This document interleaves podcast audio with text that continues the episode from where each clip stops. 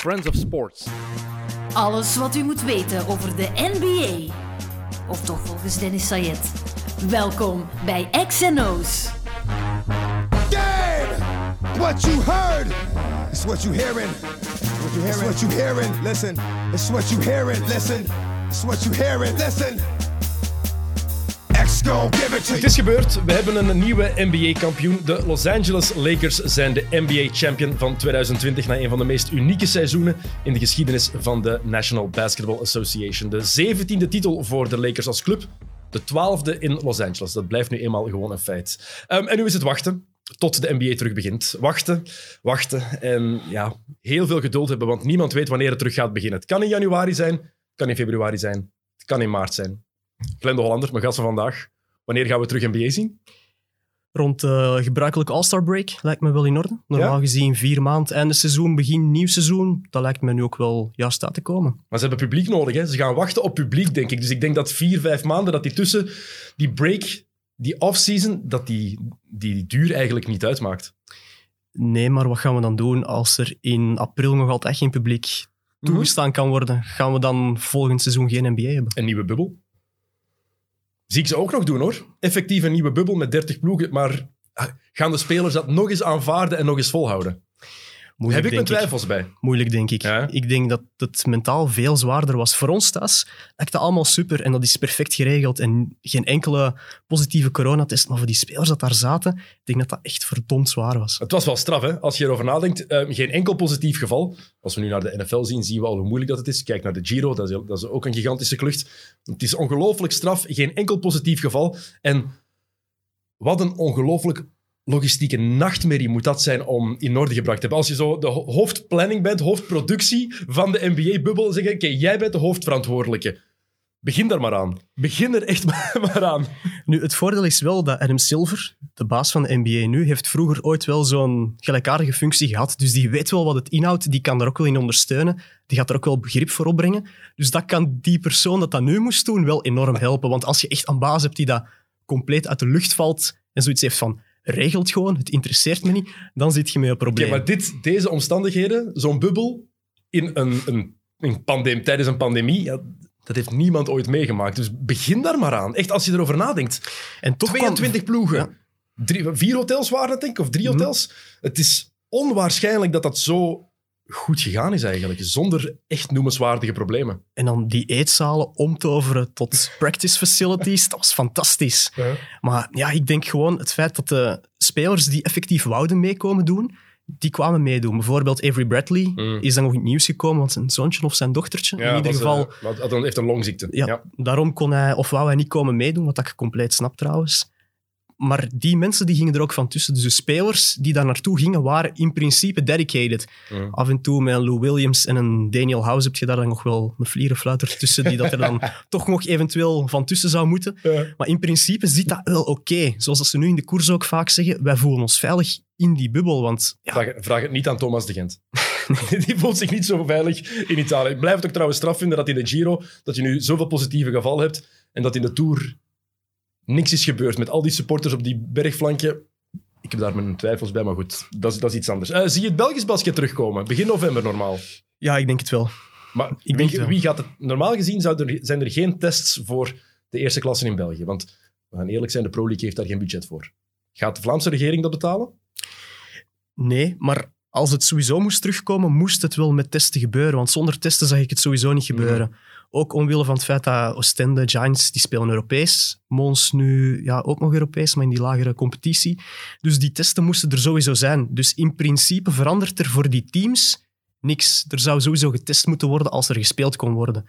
Dus in dat opzicht neemt het niet meer budget in, volgens mij momenteel, dan het voorzien was zoals het oorspronkelijk was voorgelegd. Dus ik denk dat het nog altijd kan starten. Ik hoop het ook. Eh, De lagere competities, lagere afdelingen zijn wel eindelijk stilgelegd. Werd tijd. Ehm, ik heb mijn mening daar al een paar keer over gezegd. En toch hoor ik heel veel mensen uit het basketmilieu zeggen van, dat ze het niet begrijpen. We volgen de coronamaatregelen ehm, strikt op. We nemen alle maatregelen regelen die nodig zijn. Maar dat is naast de kwestie. Het gaat over wat op het veld is het onveilig. En daar kan je niks tegen doen. Dat is het hele ding. Het maakt niet uit wat je ook doet in de kantine, naast het veld. Het is net op het veld dat het gevaarlijk is. Zeker voor mensen boven de wat is het, 12, 13, 14 jaar wordt het alleen maar gevaarlijker. Ja, het blijft een feit dat je in elkaars gezicht aan het hijgen bent. Er is een reden dat wij niet in die zetel zitten, maar hier uit elkaar zitten. Dat is, het is gewoon, dat is het gevaarlijke eraan. Ik denk dat geen enkele club ook dingen had kunnen doen, had kunnen ondernemen om dat te voorkomen. Het is gewoon te gevaarlijk tussen de lijnen, lijkt, lijkt mij, als leek. Ja, en in principe, als je gaat kijken, een Spirodoom in Oostende,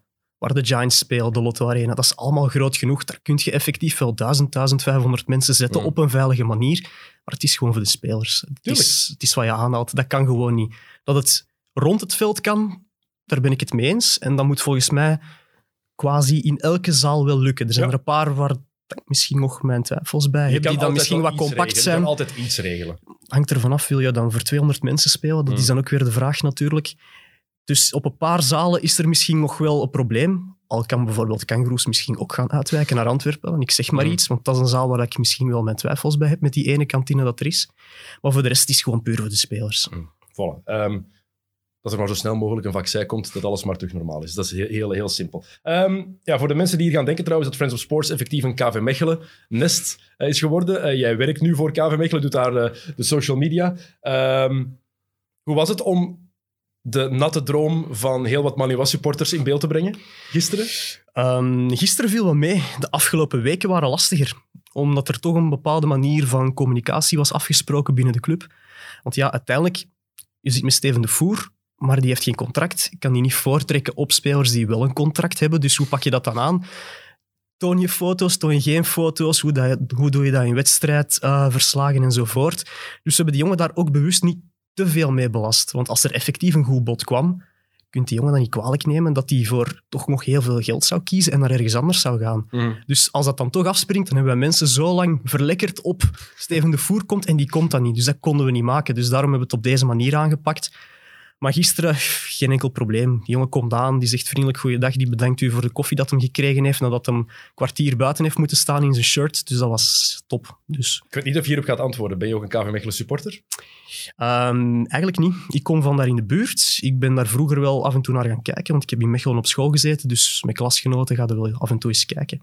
Maar eigenlijk niet, nee. Kijk, dus eh, luisteraars van Friends of Sports, het is niet allemaal KV Mechelen. En ik heb ook, ik ga even moeten recht staan, de enige echte, enige echte geel-rood is dat van de Germinal.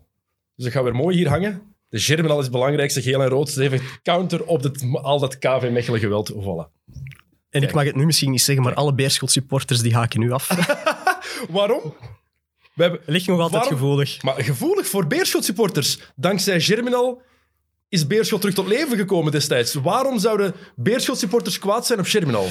Dat snap ik niet. Ik heb die discussie nu al gehad, Dennis, maar we gaan die niet, niet nog eens voor hier. Vooral andersom zou ik het wel begrijpen. Dat Germinal supporters niet content zijn die van de Beerschot, omdat Germinal, ja, het was meteen paars en al het rood-gele was meteen weg. Maar andersom, Beerschot supporters mogen toch alleen maar dankbaar zijn dat Germinal hen destijds financieel heeft kunnen helpen. Want niet vergeten waar Beerschot was in 1999. Hè. Toen was ik nog te jong. Was ik maar acht. Het was, niet, het was niet in eerste klasse, we zullen het zo zeggen. Dus kom en alsjeblieft, zet u erover. Eh, niet gemakkelijk hè, eh, om eh, NBA als echte freak te blijven volgen als je een normale job hebt en ook nog vooral veel andere sporten moet volgen. En met op nummer één voetbal. Ik weet hoe moeilijk dat, dat is. Yes, en dan nog een eh, nu niet meer zo kerstverse dochter erbij. Dan eh, verdwijnt NBA eventjes op de achtergrond. Dus ik ben benieuwd over welke thema's we het gaan hebben en hoe dat ik mijn streng hier ga trekken. Hoe moeilijk is het geweest om het effectief te blijven volgen? Moeilijk. Ehm, zeker in het begin. Ehm, omdat dan ja, was het eerst van, gaat er nog gevoetbald worden? Mijn job was dan ook wat onzeker. En dan is het feit dat de NBA terug start eigenlijk niet echt het eerste waar dat je mee bezig bent. Je kijkt Mhm. af en toe eens een wedstrijd, je kijkt wat samenvattingen, maar daar blijft het bij. En ik moet eerlijk zijn, commentator geweest zijnde, als ik iets volg, wil ik het ook gewoon volgen. Tot in de puntjes en er alles van weten. En dat was dan niet het geval. Dus dan ben ik wel een tijdje effectief afgehaakt, omdat ik zoiets had van, ah, ik kan het niet volgen zoals ik het wil. Dan volg ik het ook eventjes niet en ik pik later of volgend seizoen wel terug in. Ja. Dus dat, is wel, dat was wel moeilijk. Het is inderdaad, je wil alles zo hard mogelijk volgen, Mm. gezien en gelezen hebben. Een reden voor die wallen die hier onder mijn ogen hangen. Dat- Kijk, de afgelopen weken zijn Ja, die niet van mij hebben een andere reden, maar Kijk, voilà. Maar het is niet altijd evident geweest om, om wakker te blijven. Zeker matchen die om drie uur beginnen. Echt.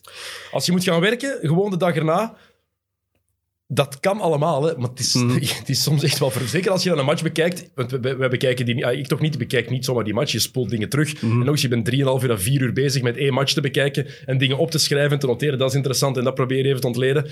Ja, dat is, niet ons, dat, is, dat is iets anders dan gewoon rustig met een pintje in de zetel naar een match kijken. En het grote probleem was ook vooral in het begin, werd er nog gespeculeerd over de regels, hoe alles ging aangepakt worden. Elke match werd geanalyseerd op sportief vlak, maar ook van, is alles veilig? Hoe heeft de NBA dat gedaan? Dat werd uitgelicht, dat werd uitgelicht. Dus het was niet alleen het sportieve dat je moest volgen. In een normaal NBA-seizoen, oké, die wedstrijd is gespeeld, highlights kijken, wedstrijd kijken, tof. Maar nu was het ook nog van, hoe evolueert dat met die COVID-gevallen? Zijn er COVID-gevallen? Zijn er geen? Uh, Lou Williams zijn verhaal komt daartussen, House zijn verhaal komt daartussen, op die manier. Dus dat zijn allemaal nog extra stimulansen, extra prikkels, wat het echt wel heel veel maakte. Mhm. Ehm, ik zal beginnen met een simpele vraag. Zijn de Lakers het terechte kampioen? Ja, dat is ook een simpel antwoord. Je mag daar verder op, eh, over uitweiden, Glenn. nee, ehm, ik had ehm, voor de playoffs begonnen eigenlijk de Miami Heat getipt als kampioen. Ja, je hebt Ehm, gedurfd wat ik niet durfde. Dat is mooi. ja, voilà. Ja, ik was er echt jaloers op toen ik het zag. Van, fuck. Ja, Ja, gaat altijd mee op de bandwagon ja mogen nee, nee, springen, het was- dat is geen enkel da- probleem. Daarna niet meer, dat, is- dat was van jou.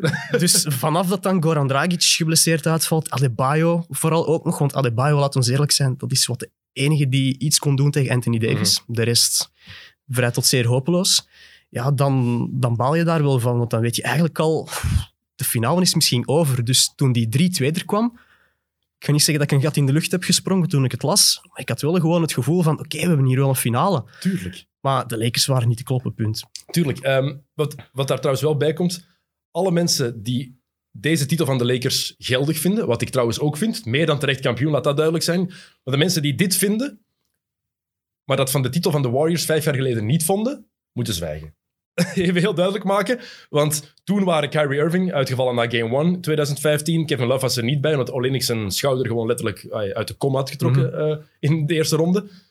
En LeBron heeft toen onwaarschijnlijke finals gespeeld. Warriors winnen met 4-2. Kijk, de Heat waren nu even onderbemand als de Cavaliers toen. En die hadden geen LeBron James nog rondlopen. Dus dat die erin slagen om twee matchen te winnen, dat doet niks af van de titel van, van de Lakers, maar is even indrukwekkend. Net zoals die prestatie van de Cavs vijf jaar geleden indrukwekkend is, maar niks afdoet van de titel van de Warriors. Ik snap Dat ook niet terzijde. waarom we een asterisk zouden zetten achter een titel voor een ploeg die tegen een ander team heeft gespeeld waar blessures waren, of schorsingen, of eender wat.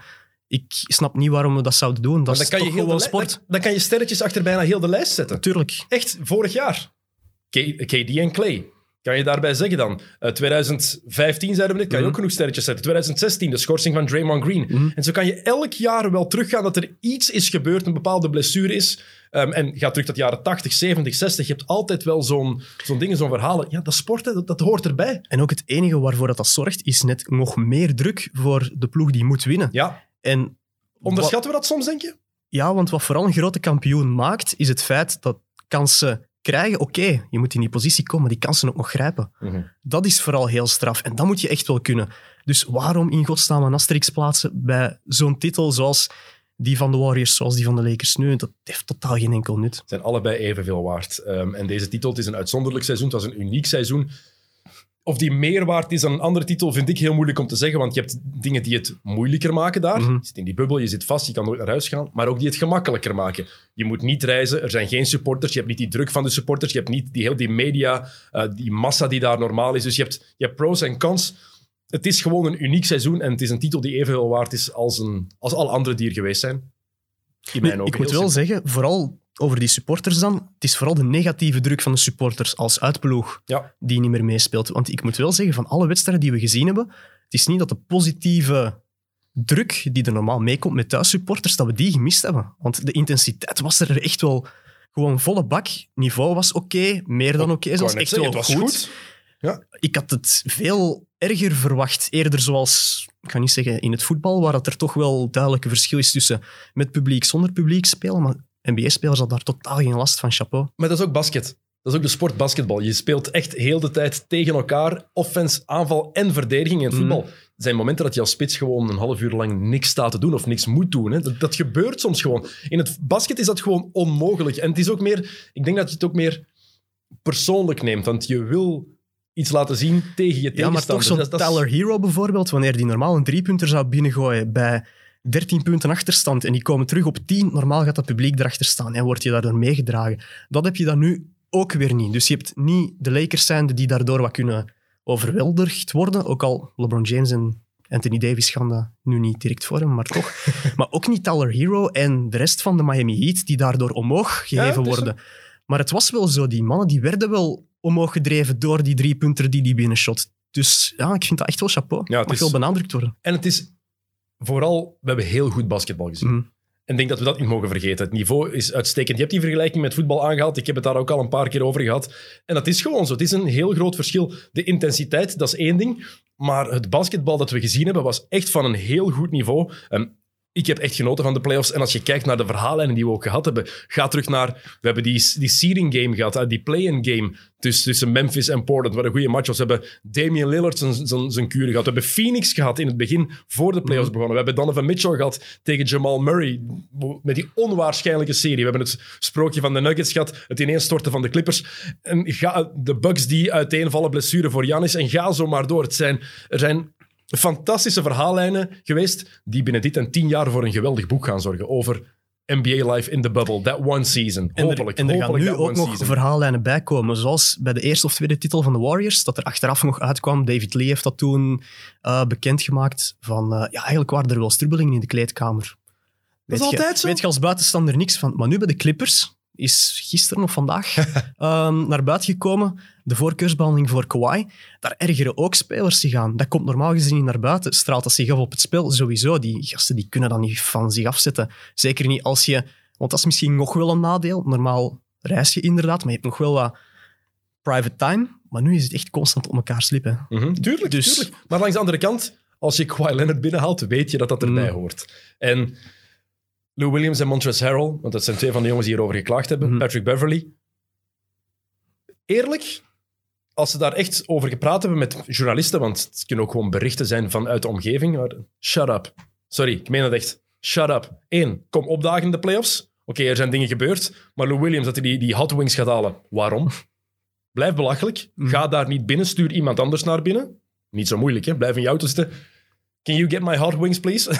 Waarom zou je dat niet zo doen? En Montrezl Harrell, oké, veel dingen gebeurd. Grootmoeder verloren, emotionele tijd en dan in die bubbel opgesloten zitten, niet je familie kunnen steunen of de steun krijgen. Dus daar gaan we ons niet over uitspreken. Maar die was ook gewoon niet goed. Hij is een van de grote redenen dat ze verloren hebben tegen de Nuggets, omdat die niet kwam opdagen, maar wel alle minuten kreeg van Doc Rivers. En Patrick Beverly... Ja, Patrick Beverly. Ja. Maar- en sowieso, het is Kawhi, tuurlijk. Ja, ik snap dat ze zich eraan, eraan ergeren. Maar supersterren krijgen nu eenmaal soms een voorkeursbehandeling. Mhm. En denk je echt dat Tyron Lue dat niet gaat doen met Kawhi Leonard, de nieuwe coach van de Clippers? Tuurlijk. Die gaat niet anders aanpakken, hè? Nee, wat dan wel weer bizar is, want in principe weet je wel dat Tyron Lue dat zal doen. Is in Cleveland ook gebeurd. En toch waren de Clippers er dan blijkbaar als team wel vrij unaniem over eens dat Tyron Lue de juiste coach zou worden voor hun team. Hmm. Strookt ook niet echt. Het is, het is heel raar. Tyron Lue had trouwens dit jaar coach van de Lakers kunnen zijn. Hè? Mm. Heeft een contract afgewezen. Ehm, drie jaar, 18 miljoen. Hij, hij vond het onrespectvol. Ik snap niet wat daar onrespectvol aan is. drie jaar, Dat 18 teken miljoen. ik zo en met mijn linker aan Maar, maar zelfs van ja, ik heb wel een titel gewonnen. Het is niet, niet voldoende jaren. Frank Vogel heeft hetzelfde contract getekend. Ik denk zelfs iets minder geld. Mm. Die gaat een contractverlenging krijgen nu, want Tuurlijk. die heeft zich kampioen gemaakt. Dus dan verdien je meer. Ik snap niet wat Tyron Lue dacht, waarom dat het dan beter is om assistentcoach van de Clippers te worden in plaats van met zijn maat, met LeBron, terug te gaan samenwerken. Drie jaar 18 miljoen. Ik vind dat zelfs te veel voor een coach als Tyron Lue. Ja, Cavaliers kampioen gemaakt, maar bijvoorbeeld wat ze hebben laten zien in 2017 tegen de Warriors, toen de Cavs ook een legendarisch goede ploeg hadden, historische ploeg. Ik was daar niet van onder de indruk van wat Tyron Lue daar gedaan heeft. Dus als je dan drie jaar 18 miljoen afwijst, is dat onrespectvol? Ik eh, zou graag wat interactie bieden en wat ja, tegengas, maar ik ben het gewoon eens op dit vlak, dus dat is heel moeilijk. Oké, iets anders. Ehm, is er iets te doen tegen AD en LeBron James als ze spelen zoals ze gespeeld hebben? Mm, Nee, en dan was AD nog aan het manken de helft van de tijd. Hè. Ehm, Nou, enkel in game 5 eigenlijk. Game 6 was hij weer... Ik weet niet wat voor spuitje dat hij gekregen had, maar... Ja, het, is niet in het kopje gekropen Nee, in ieder geval. Nee, dat is gewoon alles wat je verwacht van een, van een moderne Big Two. Zo moet dat eruit zien. Big guy die eh, ja, unicorn is. En dan een sterke wing. Maar het is wel... Alhoewel wing, LeBron James is tegenwoordig ook al geen wing niet meer. Je Is, kan, je kan, is LeBron. Ja, Maar je kan er toch geen naam op plakken? Ja, dat is LeBron. dat is geen positie meer. Ja. Dat is geen positie meer. kan ook letterlijk 1 tot en met 5 spelen. Ja, zit hij gewoon op de center en die speelt nog alles kapot. Ik bedoel, nee, er is gewoon niks tegen te doen. Al denk ik wel dat de Lakers nog altijd balen van het feit dat misschien niet Kawhi, maar toch andere sterren ook voor andere teams hebben gekozen. Want als ze daar nu een big three van hadden kunnen maken... LeBron, ik weet niet wanneer hij ooit is minder goed gaat spelen. Maar ik denk wel dat hij toe is aan het feit van af en toe te kunnen zeggen van jongens, neem het even over. Vooral tijdens regular season. En daar is het niet altijd nodig. En als je met één van de twee speelt, LeBron of AD, is het nog altijd oké in regular season. Maar ik denk dat hij er niet rouwig om zou zijn. En de Lakers ook niet, wanneer dat contract afloopt. Ik denk dat dat nog twee seizoenen is. Ik denk het ook, ja. Voor binnen twee seizoenen dat er toch al een oog op opvolging is. Want momenteel, laat ons eerlijk zijn, als LeBron ooit, stel na die twee seizoenen stopt, de Lakers gaan nog goed zijn. Die gaan geen hoge draftpick hebben, die gaan er niet dingen mee kunnen doen. Die gaan echt moeten teren op AD. En dan gaan ze daar weer moeten gaan rondbouwen. Maar Dan, dan, worden, heeft dan worden het de Pelicans. Mogelijk. Als LeBron stopt en ze hebben niet genoeg rond Anthony Davis, wat AD rond zich had bij de Pelicans, Mhm. was beter dan wat als we LeBron wegdenken, Hmm. wat de Lakers nu hebben. Als je Drew Holiday daar al hebt, ja, er is niemand bij de Lakers, los van LeBron, die beter is dan Drew Holiday. Dus dat is gewoon, dat is gewoon de naakte waarheid. Ja, Dan is er een probleem. Maar ja, het ding is ook wel duidelijk, de tijd van de Big Three is voorbij. Hè? Mhm. Het zijn Big Two's nu overal. Je hebt geen Big Three meer eigenlijk. Tenzij dat je die van Golden State zo ziet, maar die hebben die blessures dan natuurlijk ook gehad. Het zijn allemaal Big Two's. En ik vraag me ook af, Kawhi is daar de grote naam dan natuurlijk waar we het over hebben, die misschien naar de Lakers ging gaan. Ik zie dat niet werken eigenlijk, Kawhi daarbij. Bij AD en LeBron. Ik... Wie was die derde, wie was de derde man geworden? Klopt, want ik heb nu op Netflix de reeks gezien waar Doc Rivers, de playbook, Ja, is Playbook, zeker? Ja. Ehm, heb ik gekeken, de aflevering met Doc Rivers. En hij legt daar ook uit hoe dat hij Ray Allen, Paul Pierce en Kevin Garnett op één Ja, lijn heeft gekregen. Dat is vrij uitzonderlijk, om die drie mannen op die manier op één lijn te krijgen. Bij de Golden State Warriors is dat ook gelukt. Maar dat is enkel omdat Clay geen, er geen fuck om geeft. Hè? Tuurlijk, dat was het, dat was het volgende punt. Ja, die drie jongens bij de Lakers, die zijn wel net iets baldominanter dan de rest, om het zachtjes uit te drukken als je Kawhi daar zou bijzitten. Ik denk dat dat niet was gelukt als Kawhi daarbij was gekomen. In ver- Nee. Dat dit was een veel betere oplossing voor de Lakers. Maar ik vraag me ook af, waarom een Big Three nodig als je perfect een Big Two hebt en die goed kan omringen? Want die roleplayers, stel nu dat er iemand uitvalt, dat hebben we nu gezien bij de Miami Heat, je mag daar nog twee andere sterren bij zetten. Trouwens, Goran Dragic mag je wel als ster rekenen. Adebayo opkomend, maar is nog geen ster. Is momenteel gewoon de veel betere, nee, niet veel betere versie. De aanvallend meer efficiëntere versie van een Draymond Green. Laten we het ons zo zeggen. Ehm, maar zet daar ook nog een Antetokounmpo bij. Ik wil dat ook eerst nog zien hoe dat, dat werkt, want dat is hun absolute droom. Antetokounmpo, Butler, stel dat Dragic daar nog blijft. Maar niet vergeten, Dragic, Dragic is al 35, hè? Die begint ouder Ja, maar die is ook nog niet versleten. Ik- ik- ah, we, hebben het, we hebben het gezien dat hij in de, in de finals niet kunnen spelen door die blessure. Het is, niet, het is geen simpele blessure die zomaar opgelost geraakt. Nee, dat ook niet. misschien is die nu wel versleten. En ja, het verschil is alleen, ja, we hebben vorige week ook gezegd hier bij de Lakers, de enigen die daar gezond moesten blijven waren LeBron en AD. Mm. De rest maakt niet uit. Zet daarnaast blijkbaar... Want ik dacht dat het een probleem voor de Lakers ging zijn. In het reguliere seizoen had ik ze voor het seizoen niet op één gezet, omdat ik dacht dat LeBron en AD Mm. ehm, genoeg gingen rusten. Dat was de enige reden. Maar ook omdat ik wat er rond stond, ik was daar niet van onder de indruk. Nu, Rondo is playoff Rondo geworden. Dat is een heel andere Rondo dan ze de afgelopen drie jaar hebben gezien, de afgelopen twee jaar in LA hebben gezien. KCP was ook goed in de, in de playoffs, zeker in de finals. Daarvoor, gaan ook eerlijk zijn, de kritiek die hij kreeg was terecht. KCP Mm. was gewoon niet goed genoeg. Was gewoon de waarheid. Ehm, maar nog eens bewijs dat spelen met gasten als LeBron en AD, spelen met een top 5 speler, zorgt ervoor dat het beste in sommige spelers naar boven komt en dat ze zichzelf Mhm. overstijgen. En dat hebben we nu bij de Lakers nog eens een keer gezien van ja, oké, spelen met twee zo'n supersterren. Het zijn die mannen die het voorbeeld moeten geven en die de anderen moeten meetrekken. Als LeBron op de grond taakt, dan gaat iedereen op de grond taken. Als LeBron zegt van, oeh, mijn handjes vanaf houden vandaag, parket ga ik niet aanraken, dan gaan die andere jongens dat Voilà. ook niet doen. Ik moet wel zeggen, ik ben al... Verklaar me zot, Dennis. Ik denk dat je dat ook wel weet. Eh, al jaren fan van KCP. Ik weet niet waarom. Ook in zijn slechte periode. Sla mij dood waarom. Maar dat is wel altijd gebleven, dus ik was wel blij dat die er is doorgekomen. We hebben toch allemaal zo'n paar culthelden waar we fan van zijn, zonder dat we dat eigenlijk kunnen Ja. verklaren. Iedereen heeft wel... Ik ben nu aan, aan- zelf aan het denken aan iemand, kan niet zomaar meteen op iemand komen, maar iedereen heeft dat toch. Ik heb dat bijvoorbeeld ook, en nu gaat je mij nog veel zotter verklaren, met Noah Vonleh heb ik dat ook. En ik snap niet waarom.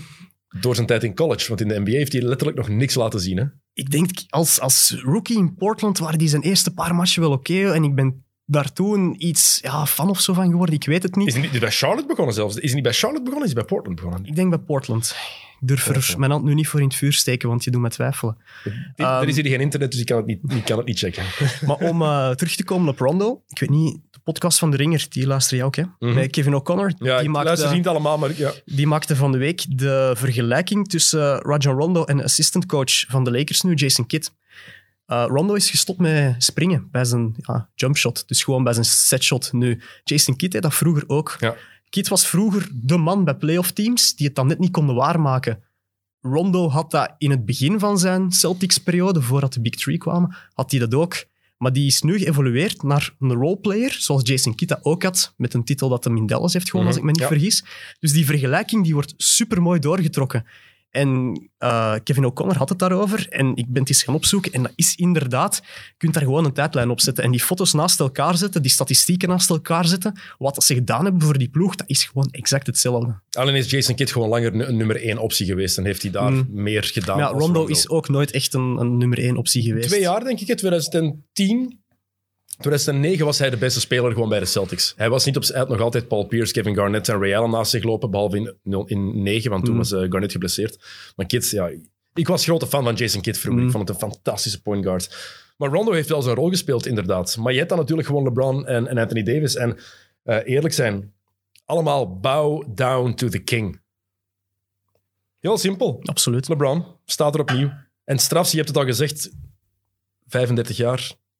Hoe lang gaat hij het blijven doen? Dat is de vraag. Maar het is, Het on- is het ook- echt onwaarschijnlijk dat hij dat blijft volhouden. Maar je ziet dat nu ook, zijn eerste stap, kunnen we het wel over eens zijn, die is veel trager geworden dan vroeger. Maar hij zet die anders, je moet daar eens op letten. Hij zet die niet meer schuin om iemand te passeren, hij gaat gewoon puur op kracht er recht in en probeert hem dan maar eens te stoppen. Dus hij evolueert ook nog als speler. En dat is gewoon zo mooi om te zien. En mensen kunnen zeggen, het is een makkelijke evolutie van ja, veel meer snelheid, atletisch vermogen naar de kracht, want dat is makkelijker, want je hebt die kracht.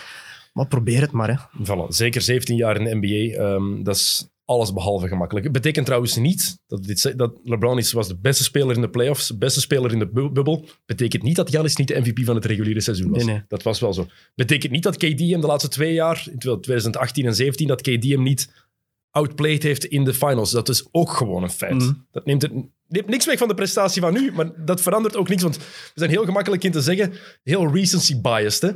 Wat nu gebeurd is, veegt alles weg van de jaren daarvoor. Maar zo werkt het niet. We mogen dat niet vergeten. Dit- Dat ma- en dat maakt het eigenlijk net indrukwekkender voor mij. Ja, KD was beter in 2017. KD was beter in 2018. Maar we zijn 2020 en LeBron James staat daar gewoon terug van boven met die trofee.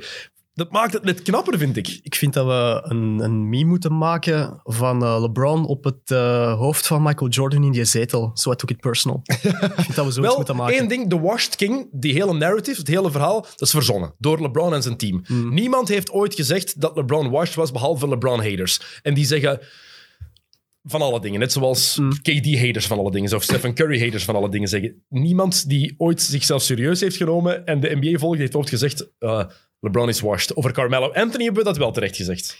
Maar over LeBron heeft hij puur zelf verzonnen, zoals Jordan dat ook bij sommige dingen deed, om zichzelf te motiveren. Ja, maar nu moeten we eerlijk zijn. Volgt social media ook goed genoeg. Ik ben er nu in te werk gesteld. Moeten die mannen van Meet Meet hier ook niks leren? weten goed genoeg hoe het werkt. Hè. Zoiets ophangen is niet zo heel moeilijk. Hè. Nee, maar ik vind het zo'n belachelijke verhaal. En toen ik dat zag, dacht ik echt... Wie heeft dat ooit gezegd? Mm. Dat is gewoon niet het geval. Het is niet omdat Kevin Durant twee jaar in de finals op rij beter was, dat dat een feit is dat iemand daardoor versleten is. Hè? Het, is het is altijd in extreem, heb ik het gevoel. De, de- het moet altijd ofwel het extreem naar die kant of extreem naar de andere kant gaan. Maar ik zou op mijn... Wat was hem toen? De 2,33 zeker, want we spreken over twee, drie jaar terug. Ja. Ik zou op mijn 2,33 ook best wel versleten willen zijn en bijna triple-double in de finals neerzetten en 30 miljoen per seizoen cashen. Dat is voor mij geen enkel probleem. Ehm, Hoeveel slagen heeft eh Bronny al van LeBron gekregen? Ik weet het niet, maar de memes die eh, verschenen waren wel geweldig. Met Voor de die- mensen met die niet kunnen volgen, misschien eerst snel even zeggen. Le eh, Bronny, LeBron James Jr., zoon van LeBron James, ehm, heeft per ongeluk een filmpje op zijn Instagram stories gezet, denk ik. Ik dacht Instagram stories, ja. Waarin hij van een, van een joint aan het trekken is. En ja, dat is natuurlijk opgevangen, bijgehouden. Ik vind dat fantastisch. Echt, ik vond dat fantastisch. Het is vooral fantastisch, al die memes dat daar wordt rond, rondgemaakt. Het, gewoon het feit dat, dat Bronny dan zo gezegd aan het skypen is met Jimmy Butler van ah ja, zeg, goed dat je die tweede match hebt gewonnen, kun je alsjeblieft nog even langer in die bubbel houden? Want- Take it to game 7, ja, please. take it to game 7. En dan nog een andere meme dat LeBron thuis komt met zijn riem al getrokken en dat Bronny op de schouder zit van, eh, van de mama. is fantastisch. Ja, kijk, ze wonen in Californië. Mm. Het is daar legaal. Dat is het risico door naar LA te verhuizen, LeBron. It's your fault. ja, je gast is 16 jaar. We hadden nu gedacht dat hij dat nooit ging doen, of wat? Allee, dat is Ja. toch... Ah, en het beste is, hij moest denk ik gisteren of eergisteren Call of Duty spelen of iets, zo'n first shooter met Odell Beckham Jr. En ineens hoorde je eh, eh, OBJ zeggen, where's Bronny? Hoorde je, where's Bronny? En dan gewoon, ja, he couldn't make it tonight. That ass whooping was in full effect. Het zal zo wel iets geweest zijn. Oh, ik, vond het, ik vond het heerlijk. Ehm, wat vond je trouwens van de hele heisa rond eh, de, het einde van Game 5? LeBron James naar de basket. Drive langs rechts, geeft de bal aan, aan, eh, aan Danny Green. Mist de driepunter. En dan eh Mar Markieff Morris die de bal weggooit. Anthony Davis die slecht positie neemt. Hoe zag jij dat? De Lakers hebben ten eerste pech dat die bal in de handen van Morris valt. Want als die bal in de handen van Rondo valt, wordt het waarschijnlijk nog ergens een assist voor James, denk ik. Die vindt daar nog wel ergens een oplossing voor. Ehm, James stond open naast Morris ook trouwens. Ja, en LeBron maakt uiteindelijk de juiste keuze door hem naar Green te steken, maar maakt volgens mij initieel niet de juiste keuze door per se dat screen te willen gaan vragen, weg te willen van Jimmy Butler, Duncan Robinson per se op zich te willen krijgen. Dat wil ik hem dan misschien nog wel aanwrijven, als je dan toch de grootste aller tijden zij of daar ergens rond, dan vind ik dat je ook tegen Jimmy Butler die play moet kunnen maken. En het is ook vooral als... We zitten in, tijden van analytics, dus alles wordt zot ontleed. Als LeBron James naar rechts, met rechts dribbelt naar de basket gaat, gaat hij in 97% van de tijd voor een layup. Mm. 97%, dat is niet 20, dat is, dat is bijna altijd. Dus ze weten wat hij ging doen. Mm. En waarom geeft hij die bal nog af? Omdat hij op een gegeven moment met zijn rug naar de basket is. Ja. Daarom geeft hij die bal nog af. En Spoelstra doet dat ook wel fantastisch. Hè? Want we kunnen allemaal zeggen, LeBron James, hij mag die een bal niet afgeven, of hij moet die play niet maken, of dit en of dat. Maar Spoelstra weet perfect dat Duncan Robinson gaat uitgekozen worden. Zegt perfect tegen Jimmy Butler en Duncan Robinson, Jimmy, jij blijft. Duncan Robinson, jij gaat mee. En, want veel mensen spreken niet over wat Duncan Robinson daarna nog doet. Die gaat eerst mee double team, waardoor je pas naar buiten moet komen. Die gaat daar nog iemand uitboksen. En daarna gaat hij nog iemand close-out doen in de hoek, zodat Morris de bal daar niet naar kan geven. Voor iemand dat niet gekend staat als een goede verdediger, vind ik dat vrij goed verdedigd. Ja, want ik vond... Danny Green heeft een, eh, heel wat shit over zich gekregen. Mhm. Ja, hij moet dat binnenshotten. Mm, Ja, hij is een shotter. Maar niet vergeten, die pas van LeBron James was vreselijk. mm. Die, die was, je, als shooter wil je de bal in de shooting pocket krijgen. Danny Green moest hem bij zijn enkels gaan halen, dan nog een dribbeltje doen. Dat was, dat was een goede move van LeBron. Tenminste, het is de juiste basketbalplay. Maar de uitvoering, die pas was gewoon slecht. Heel simpel. Daarna Markieff Morris, die geeft ook een vreselijke bal. Maar Anthony Davis, die maakt daar ook wel een fout. Als hij zich gewoon een beetje beter sealt, heeft hij die bal ook in zijn rechterhand. Dan kan hij ook afwerken. Dus er zit veel meer nuance in dan enkel zeggen Danny Green moet dat shot binnengooien. Nee, het is meer dan dat. En dan hoor je dat Danny Green doosbedreigingen krijgt. Dat Danny Green zijn vriendin of verloofde Mm. doosbedreigingen krijgt. Alsjeblieft, mannen. Dat is echt niet meer normaal tegenwoordig. Dat is belachelijk, toch? normaal. Dat is, dat is gewoon pure waanzin. Daar Mm. kun je niet meer over zeggen. Nee, voilà. Ehm, Anthony Davis, ik denk dat dat de beste power forward ooit kan worden. Mhm. Is het nog belangen niet? Tim Duncan met voorsprong. Maar hij heeft alles in zich om dat ooit te worden. De vraag is alleen, gaat hij dat worden bij de Lakers of niet? Waarom niet?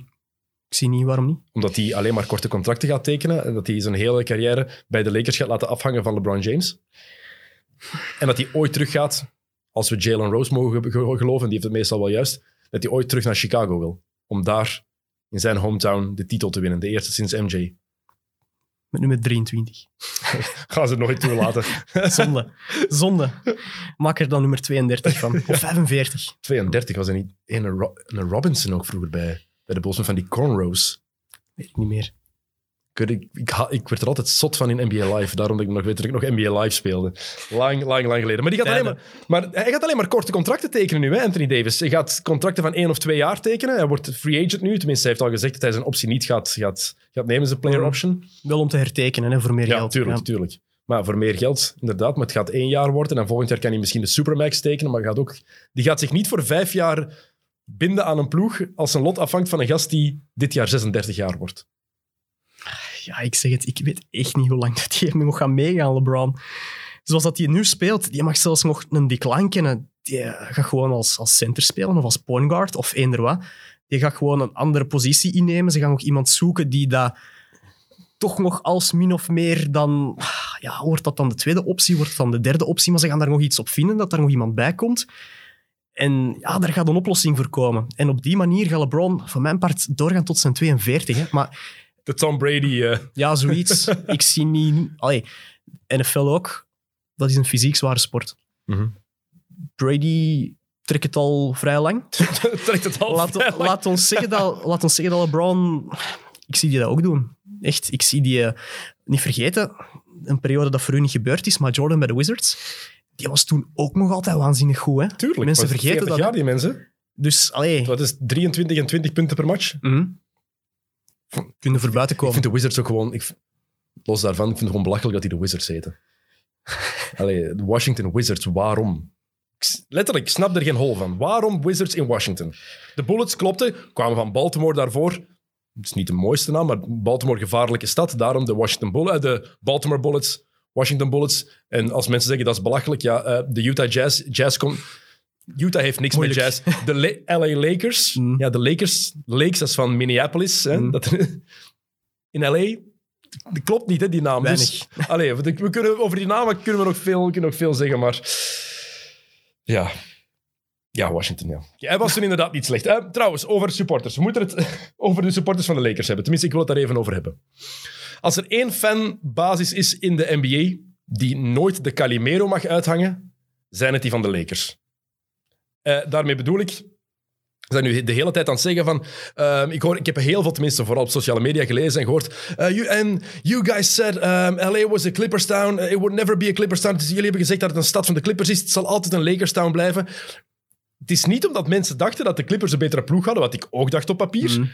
Dat we, ik ooit gedacht heb dat LA een Clippers town was. Hè? Dat staat toch, toch compleet los van elkaar. En de Lakers, van ja, eh, we zeiden dat we ooit terug zouden komen. Mannetjes, jullie hebben tien jaar geleden nog een titel gewonnen. Jullie hebben amper zeven jaar de playoffs niet gehaald. Mhm. Ay, jullie hebben niks te klagen gehad. Het, is inderdaad, het zijn zeven mindere jaren geweest, maar hey, je moet maar een supporter van de Atlanta Hawks zijn, hè?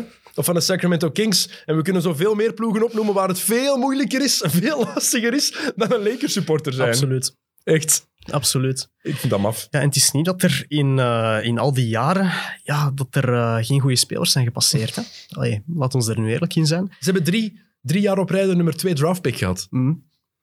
Kun je iets anders mee doen dan de jongens nemen die ze nu genomen hebben?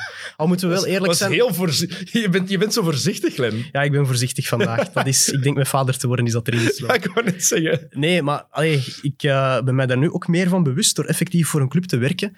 Ehm, dat spelers eigenlijk meer zijn dan spelers. Wij zien die heel vaak buitenaf als spelers, maar dat zijn ook gewoon mensen. Tuurlijk. En ik zie zo iemand als Lonzo Ball, oh, daar wordt dan zoveel druk op gelegd en die speelt dan bij de Lakers.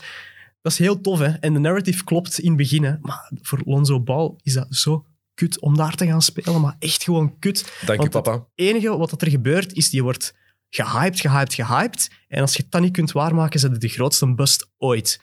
Terwijl, alsof dat we nu gaan doen dat die jongen niet kan basketten. In de bubbel Dat kon hij niet basketten. Oké. dat blijft een feit. Nee, maar ik vond, ik, de dingen die ik gewoon van sommige Lakers-fans gelezen heb, dacht ik van... maar jongens, alsjeblieft, niemand heeft gezegd dat jullie franchise niks waard is. Mm. En bijvoorbeeld nu ook iedereen vol lof over Jimmy Bus en, en Rob Pelinka. Ja, die franchise, lees de verhalen. Mm. Wat er allemaal gebeurd is de laatste jaren, was dat daar gewoon een rommeltje. Het zat daar niet goed. En Rob Pelinka, ja, Rob Pelinka heeft niks gedaan, hè. Magic Johnson heeft niks gedaan, want LeBron James had een huis gekocht in LA. Die wilde sowieso naar de Lakers komen. Anthony Davis, dat is niet dankzij Rob Pelinka. Dat is niet dankzij Magic. Mm. Dat is niet dankzij Genie Buzz. Dat is dankzij LeBron James en Rich Paul en Clutch Sports. Rich Paul, die mag zich op de borst kloppen dat hij de Lakers mee heeft gebouwd. ik vind dat heel straf gewoon, dat, dat, dat, dat het zo moeilijk is om dat gewoon ob- eerlijk objectief te bekijken. Want ja, Rob Pelinka, die staat er dan ook met die trofee mee. Kapot aangeërgerd trouwens dat hij daar zo bij stond. Dude, je hebt niks gedaan. Overdreven gezegd. Ik weet het, ik ga heel kort door de bocht nu, hè, maar het is niet zijn prestatie dat LeBron en AD daar zitten. Nee, en ik vind ook het feit dat je aanhaalt van... Het het was daar inderdaad een rommeltje de afgelopen jaren. Gigantisch. Waarom, één, mag dat niet gezegd worden? En twee, als het drie, vier, vijf jaar een rommeltje is, je kast dat ook niet even op 1, 2, 3 Tuurlijk op. Met niet. één move lukt dat niet. Dat neemt inderdaad drie, vier, vijf jaar. En dat je dan inderdaad die vier, vijf jaar die een bagger over u krijgt, dat het niet goed gaat. Ja, sorry, suck it up. Ai, dat is nu even zo. Je lost dat niet gewoon op van de ene dag op de andere. Tenzij dat je LeBron James tekent. Voilà, en maar dat is het ding net. Dat is het, je hebt het perfect gezegd. De reden dat de Lakers nu terug staan waar ze staan en de Lakers zijn, is omdat LeBron James beslist heeft: ik wil in LA gaan wonen, Mm. ik wil bij de Lakers gaan spelen. En dat is de enige reden, Mm. of de grootste reden. Ja, toch? Ja. Oké, goed, zijn we het daarover eens. Ehm, terzijde, LA is een Lakers town, Mm. altijd geweest. Waar wacht Balmer, waarom koopt hij het voor hem? Steve Ballmer komt van Seattle. Verhuis de Clippers naar Seattle, maak daar terug de Sonics van. Niemand, de Clippers hebben geen supporters, hè? Niemand, want heel veel Lakers fans. En waar zijn jullie nu Clippers supporters? Ja, die hebben nooit bestaan, hè? Nee. Niemand is supporter van de Clippers, niemand.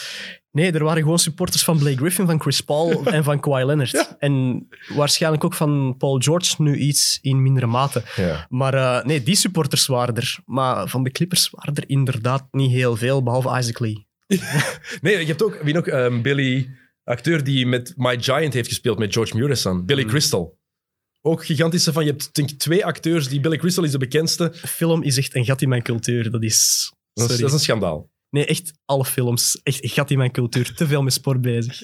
Dat kan ook veranderd worden, hè?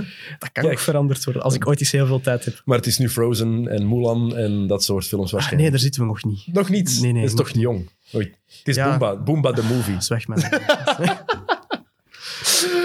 Ehm, trouwens, ik, eh, Magic Johnson heeft ook iets over Genie Bus gezegd. Wat ik heel opvallend vond. Ik ga het even gewoon aflezen. Little girls right now are dreaming, saying, hey, you know what? I could be like Genie one day. Genie Bus doet het waarschijnlijk goed als, als eigenares van, van, van die club.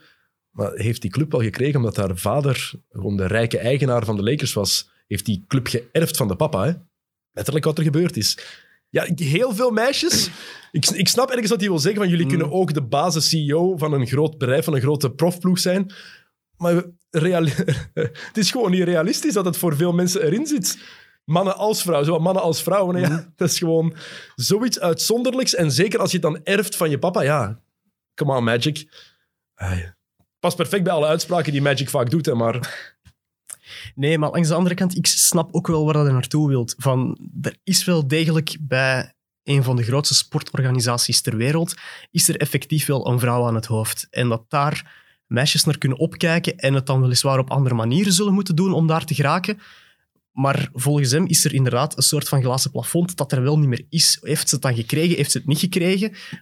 Dat doet er dan volgens hem even niet toe. Ze staat er wel. En ik Ja. denk dat hij het daar vooral op heeft. Ik vind het te veel lof. Wat, wat heeft Genie Bus gedaan met deze ploeg? Nou, als LeBron niet kiest om naar de Lakers te gaan, is dat nog altijd een rommeltje. Is nog altijd een mes in LA. Dat, dat, en dat verandert, je zei het zelf, dat verandert niet in 1, 2, 3 tenzij je zo'n grote superster kan aantrekken. Dan heb ik veel, dan denk, ik- vind ik het veel straffer. Dan heb ik veel liever hebben dat, dat meisjes, jonge meisjes opkijken naar een Becky Hammon. Die haar weg zelf helemaal gevonden heeft. Die dat puur doet door haar eigen prestaties, door wat ze allemaal gedaan heeft. Natuurlijk, Jeannie Bus kan er ook niks aan doen dat ze het erft van, de, van haar vader. Hè. Kan ze ook niks aan doen. Maar ik, vind het, ik vond het een heel leeg statement. En ik vind, ik van ja... Ik zou niet willen dat... Ik zou niet aan mijn dochter zeggen... Ja, inderdaad, kijk maar op naar haar. Dat kan je ook ooit worden. Nee. Nee. Zou- wat zou jij van jouw dochter zeggen? Nee, nee, ik zou ze ook eerder eh, video's van Becky Hammon, Emma Meeseman en ja, Sue Bird laten zien. Maar ik dat zeg dat vooral anders. omdat die ook niet meer speelt. En die is al verder gegaan. Die heeft een andere functie. Ook een glazen plafond door, doorbroken. Daarom dat ik dat als, als, als voorbeeld aanhaal. Mm. Maar ja, ik, ik snap het enigszins nog wel van het feit van gekregen of niet. Het is gewoon het punt dat je aanhaalt, daarnet zelf. Van, zij kan er niet aan doen als ze het gekregen heeft. Wat dat ze moeten doen, zeggen, ah nee papa, Nee. dankjewel. Ze staat er nu, laten we eerlijk zijn, oké, het is dankzij LeBron, maar de mes is opgekuist. Ze heeft er misschien geen verdiensten aan, maar ze staat er wel. Dus Het is ook geen kritiek op Genie Buzz, hè. Het is kritiek op de uitspraak van Magic, hè. Laat dat duidelijk zijn. Maar geen dat- kritiek op Genie, hè. Maar dat geeft dan ook weer weer hoe dat, als wij het er nu zo over hebben, hoe dat heel veel mensen die er misschien net iets minder ver over nadenken dan dat wij er nu over nadenken en gewoon kritiek spuien, hoe dat die er misschien wel over zouden, ja, hun gal echt overspuwen gewoon, over het feit dat ze het gekregen heeft en dat die uitspraak van Magic op niks trekt, maar ze gaan dan Genie Buzz daar wel slecht uithalen. Maar dat geeft En dat dan wel weer. Tuurlijk, daarom is nuance belangrijk. Mm. Kort door de bocht gaan. Ehm, net zoals in de GOAT-discussie is nuance belangrijk. Ehm, ik wil het... Die is weer helemaal opge, opge, opgeflakkerd nu, moet ik het zeggen? Ja, zoiets. Het is vrijdag praten. Zoiets. Praten is altijd moeilijk als ik hier zit. Ehm, we voor een podcast. op- we- ja, echt fantastisch. Echt, dat, is, dat is een talent. is een talent. Podcast maken en commentaar geven en dan moeilijk uit uw woorden komen. Oh, en dan naast Tony van den Bos zitten. Het zijn, eh, het zijn allemaal dingen. Ehm, we gaan het niet over Michael Jordan tegen LeBron hebben. Ben ik al blij om. Ehm, dat is te gemakkelijk. Waarom negeren we Kareem Abdul-Jabbar zo hard? Waarom negeren we Magic Johnson zo hard? Want ik heb heel veel van die onnozele statistieken gezien toen LeBron net naar de finals ging. En meer finals dan 27 andere ploegen. Ja, zo Kareem ook, Magic ook. Jordan heeft meer titels dan 27. Eh, zijn van die, van die statistieken, dat is straf, maar kom- zonder nuance is dat zo, zo leeg als maar kan zijn. Mhm. Waarom praten we zo weinig over Kareem Abdul-Jabbar? Kerel heeft vier jaar in college gedomineerd. Letterlijk alles gewonnen. Is in zijn tweede jaar in de NBA kampioen geworden met de Gottogere Milwaukee Bucks. Heeft de finals, even, even denken, ehm, tien of elf keer gespeeld ook, Kareem. Zoiets, ja. Ehm, twee keer met de Bucks en ik denk negen keer met de Lakers. Mhm. Eh, nee, acht keer met de Lakers. Tien keer heeft hij eh, de finals gehaald. Heeft zes titels gewonnen. Zes keer MVP van het reguliere seizoen. Is drie of vier, keer- vier keer, nee, drie keer de finals MVP. Topscorer aller tijden en niet zomaar topscorer aller tijden met een record waar waarschijnlijk niemand aan gaat geraken. Moeilijk. Waarom negeren we dat zo? Want het is heel gemakkelijk. Het is, ja, LeBron of MJ. Waar is Kareem in die discussie? Ja, ik snap ook nog altijd niet goed op wat dan mensen een, een GOAT-discussie baseren. Is dat puur op, op de cijfers, op de titels, op de prijzen, op de awards, op de...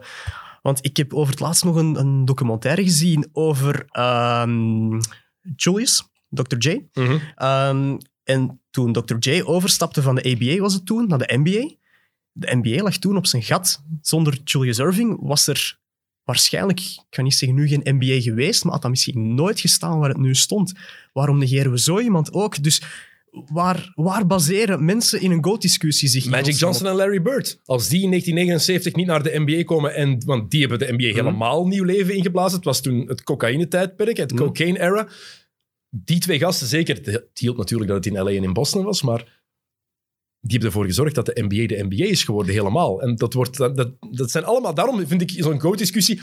Op Twitter is dat bijvoorbeeld onmogelijk om te op- Ja, hebben. nee. Onmogelijk. Gaat niet. En nog iemand die we vaak vergeten, want we spreken, als we de Celtics uitspreken, dan spreken we over Bill Russell. Maar de logo heeft daar ook gespeeld. En de Celtics waren... En de Lakers, Larry, Jerry West wil je zeggen. Ehm, ah nee, sorry, sorry, niet de logo. Ehm, Bob Cousy. Bob Cousy. Ja. Bob Cousy heeft oorspronkelijk wel de Celtics gemaakt, wat dat ze waren, voordat Bill Russell er nog was, als Dat- ik me niet vergis. Nooit niks kunnen winnen. Pas kunnen winnen vanaf dat Bill Russell er was. Akkoord, maar daarvoor zat er niemand in de zalen. En als Bob Cousy kwam spelen, zaten de zalen vol. Dat heeft maar een half seizoen geduurd. En dat heeft zich verspreid, want Bob Cousy kwam basketten en elke zaal waar hij kwam zat vol. Die heeft ook mee de NBA gemaakt. Waarom hebben we het niet over zo'n mensen? Mhm. Ik snap het, hè. Michael Jordan, fantastische speler, wat dat hij allemaal gedaan heeft. LeBron James, Kareem Abdul-Jabbar. Maar ik vind dat we zo mensen ook vergeten. En dat zijn misschien goats op een andere manier. Dus daarom, een goat... Oh, ik heb het zo moeilijk met dat woord. We hebben het daar al een paar keer onderling over gehad. Los van podcasts en dergelijke. Maar ik haat die discussies gewoon, omdat zo mensen daar nooit in vermeld worden. Maar zonder die mensen was er nu misschien veel minder aandacht geweest voor NBA.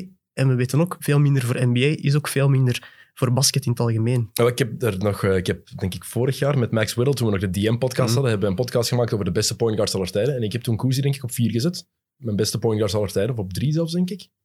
En vier. Na Magic, Isaiah Thomas en Curry. Genoeg respect, maar we mogen niet vergeten natuurlijk, die gast heeft in de jaren 50 en 60 gespeeld. En ik zei het daar straks, recency biased. En ik snap dat Mhm. ergens nog dat je dat van de jaren 50 en 60 vergeet.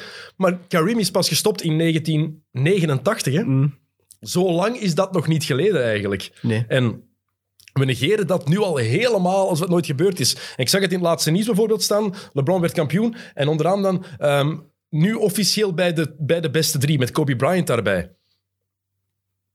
En geen enkele, enkel statistieken daarbij. Geen uitleg wat ze gewonnen hadden en zoveel punten. Ik van, wow. Vroeg me echt af, wie heeft dit daar gezet? Want daar is echt veel meer nuance voor nodig dan, dan wat daar nu staat. En ook sowieso, dat is niet de top drie. Maar goed, Ehm, dat is iets anders. Andere discussie. Ja, voilà, voilà. Eh, en de GOAT, ja, het is heel gemakkelijk. Hij, hij, hangt, hij hangt hierachter hè, met mooie nummer 9. heel simpel. Ehm, Lakers, los wat, wat ze gedaan hebben, even ook vermelden, heel veel respect voor de Heat. Wat Miami gedaan heeft. En Jimmy Butler heeft zich nu... ehm, ja, heeft laten zien dat hij een top 10 speler in de NBA is.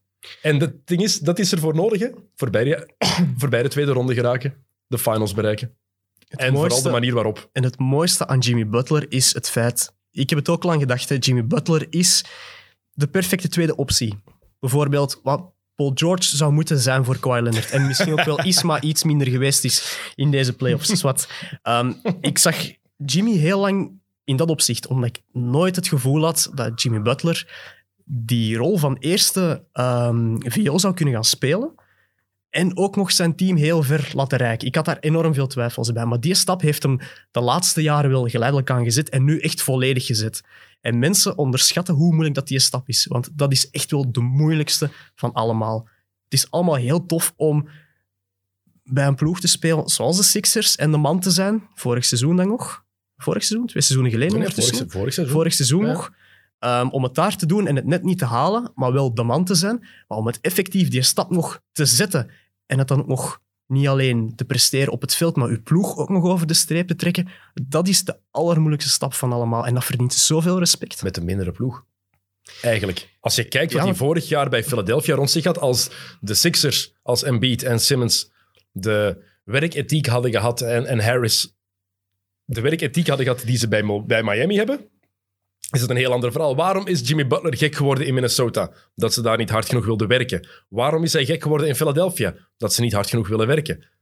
Nu komt hij in Miami. Waarom is hij daar zo gelukkig?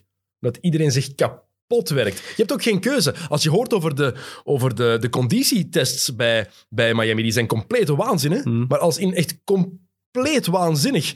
En ja, Jimmy Butler heeft zelfs denk ik dat hij dat is moeten stoppen en moeten overgeven dat het zo zwaar was. Maar dan nog zo eens ene keer benadrukken hoe belangrijk dat cultuur is in een team, in een sport. Dat Miami Heat, je weet gewoon, als je naar daar gaat, dat is het soort basket dat die gaan brengen. Dat zijn het soort spelers dat daarbij passen. Oké, dat die gasten misschien minder talent hebben dan die van de Sixers, daar wil ik trouwens nog over discussiëren. Want als je ziet welke jonge gasten dat daar spelen, gaan dat sterren worden? Nee, maar dat gaan wel gewoon heel goede derde en vierde opties worden. Die gasten hebben ook nodig. Maar die ploeg, dat fit gewoon. En je weet perfect, die gaan er hun kop voor leggen. En Jimmy Butler is daar nu het perfecte verlengde van. Wat dat hem niet had bij de, bij de Timberwolves, bij KAT en dergelijke. Die doken niet voor een bal. Bij die ploeg daakt iedereen voor een bal. Voilà, iedereen exact. volgt Jimmy. En dan, je kunt zeggen, Jimmy Butler maakt daardoor die gasten beter. Maar die gasten maken ook nog Jimmy beter. Dat is gewoon een spiraal dat heel de tijd berg op en berg op gaat. Ehm Daryl Morey, ontslagen bij de, bij de Houston Rockets. Hij heeft ontslag genomen, is de officiële Ah, uitleg.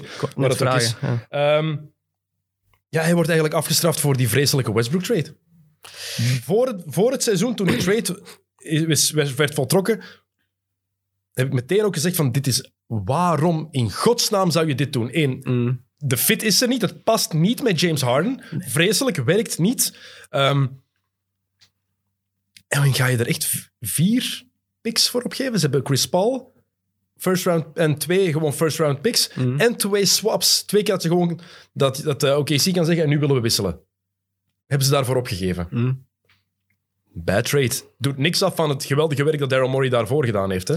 Maar daar wordt hij nu wel ergens voor afgestraft. Of kiest hij zelf ook voor.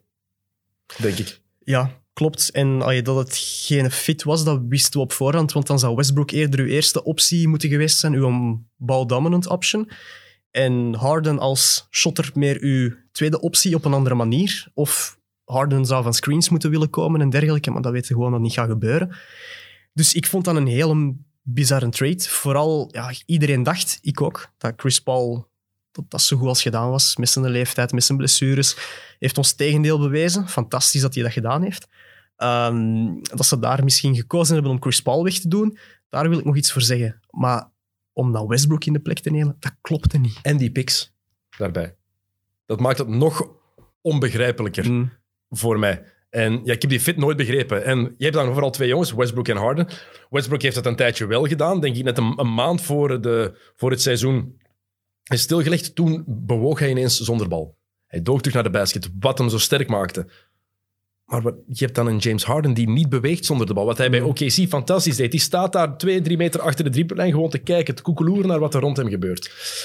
Ja, dan, dan werkt het helemaal niet in die, ja, in die opstelling gewoon. Ehm, het is dan gelu- even gelukt toen Clint Capella wegging, maar mensen die effectief zeggen dat de Rockets de Lakers hebben kunnen uitdagen in deze playoffs, nee. Ze hebben, het- ze, ze hebben ze niet doen wankelen, zelfs geen klein beetje. Schattige poging. Ja, Heel schattige poging. heel schattig. Nee, maar uiteindelijk, het shot van...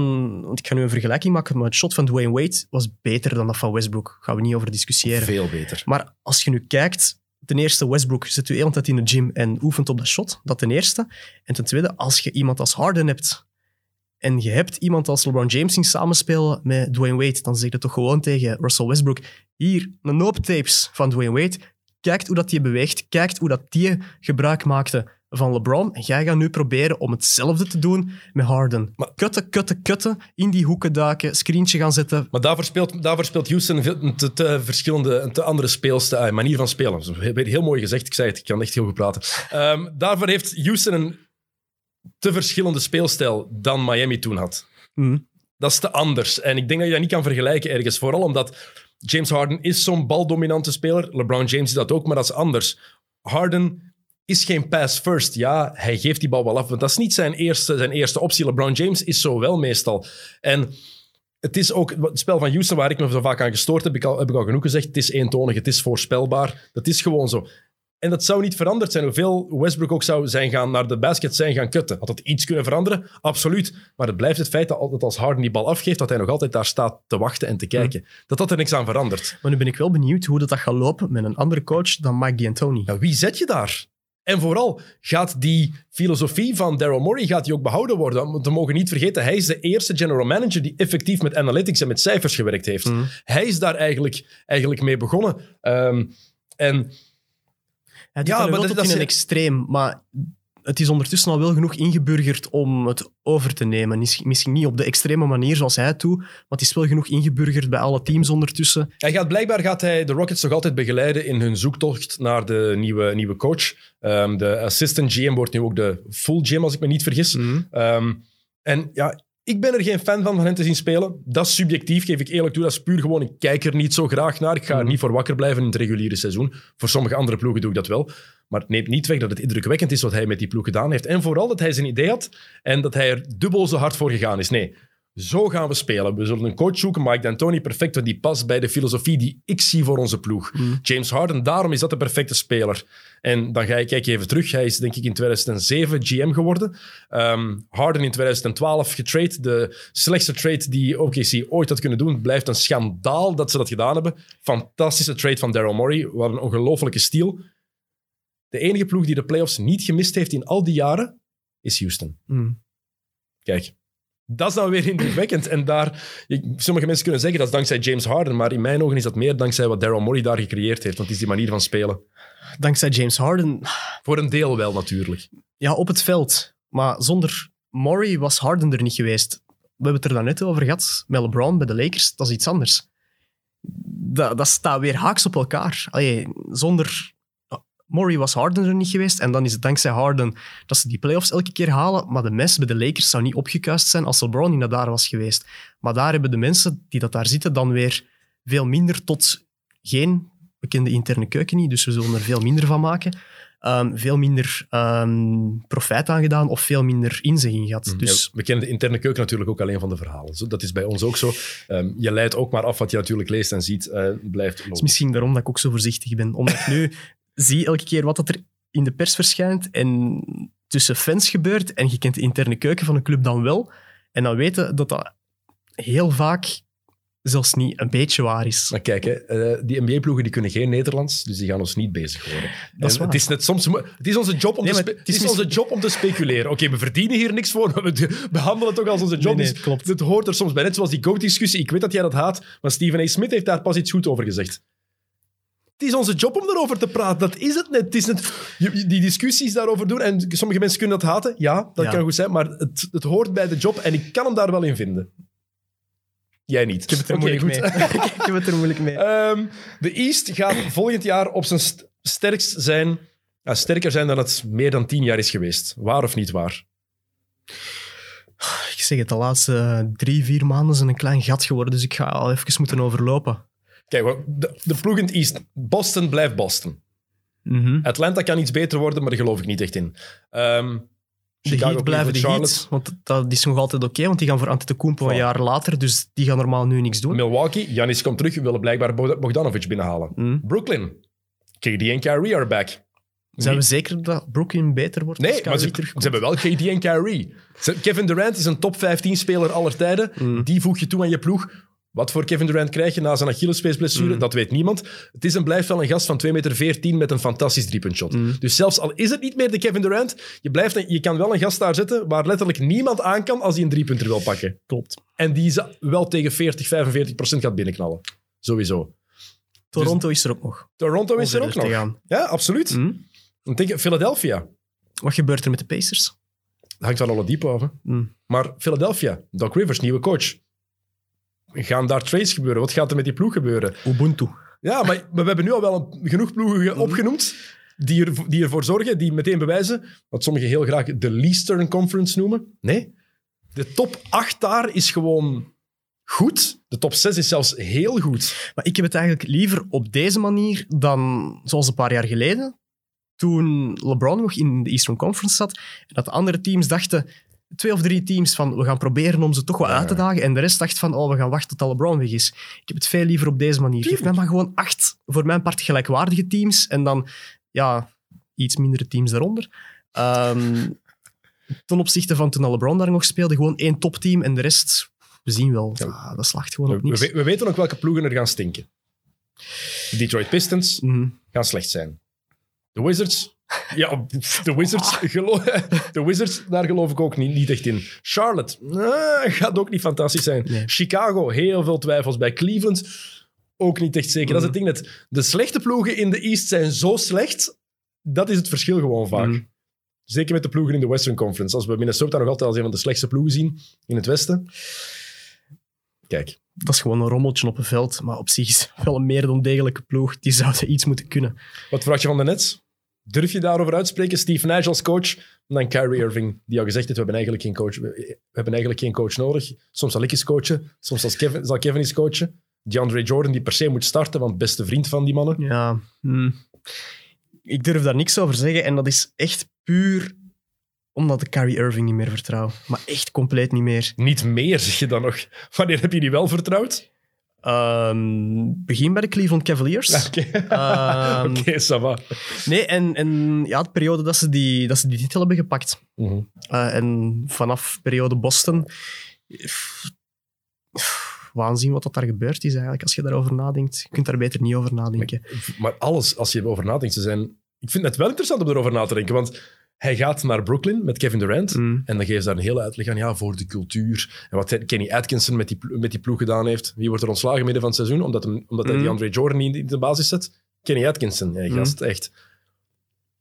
Maar een cultuur is voor mij ook meer, bijvoorbeeld bij de Heat, om daarop terug te komen. Er is een cultuur en ze hebben een sterspeler binnengehaald met Jimmy Butler, die dat in die cultuur past. Ik heb het daar moeilijker mee bij de Nets, want die cultuur dat daar gezet is, om daar dan die twee gasten in te passen, dat past niet bij die cultuur van de Nets. Ik vind dat er veel te weinig gepraat is over het ontslag van Atkinson. Waar, dat is ge- geruisloos voorbij gegaan. Ik denk dat ze toen met iets andere dingen bezig waren ook, maar... Ik, ik, vind het on- ik vind het echt belachelijk dat ze die ontslagen Mhm. hebben. Dat, wat maakt de cultuur bij San Antonio ergens? Het was Tim Duncan en Greg Popovich. Wat maakt de cultuur bij Miami? Pat Riley en zijn manier van werken. En Eric Spoelstra. Mhm. Het hoort daar ergens ook bij. Waarom waren de Nets interessant de laatste jaren?